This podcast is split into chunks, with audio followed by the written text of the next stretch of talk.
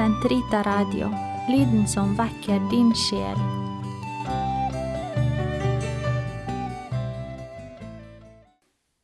Den katolske kirkes katekisme, uke 35, fredag 2234 til 2237.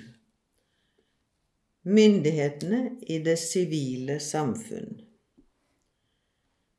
Det fjerde Guds bud befaler oss også å ære alle dem som til vårt beste har fått myndighet fra Gud i samfunnet. Det belyser hvilke plikter de har som utøver myndighet, og pliktene til dem som den utøves til beste for. Sivile myndigheters plikter De som utøver myndighet, må gjøre det som en tjeneste. Den som vil regnes for stor blant dere, han skal være alles tjener. Matteus 20, 26.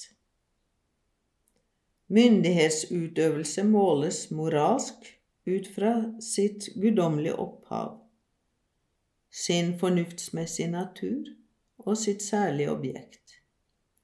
Ingen kan befale eller innføre noe som strider mot menneskers verdighet og mot naturloven. Myndighetsutøvelse har til hensikt å tilkjennegi et sant hierarki mellom verdier slik at det blir lettere for alle å utøve sin frihet og sitt ansvar. Overordnede skal utøve fordelende rettferd med klokskap idet de tar hensyn til enhvers behov og bidrag, og med enighet og fred for øye.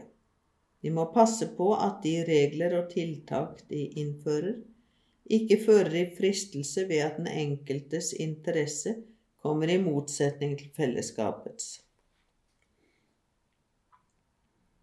De politiske myndigheter er forpliktet til å respektere menneskets grunnleggende rettigheter. Rettsvesenet skal være humant og vise respekt for alles rettigheter, ikke minst familienes og de vanskeligstiltes. De politiske rettigheter som er knyttet til statsborgerskap, kan og skal gis slik allmennvellet tilsier. De kan ikke oppheves av de offentlige myndigheter uten gyldig og rimelig grunn. Utøvelse av politiske rettigheter skal virke til folkets og samfunnets beste.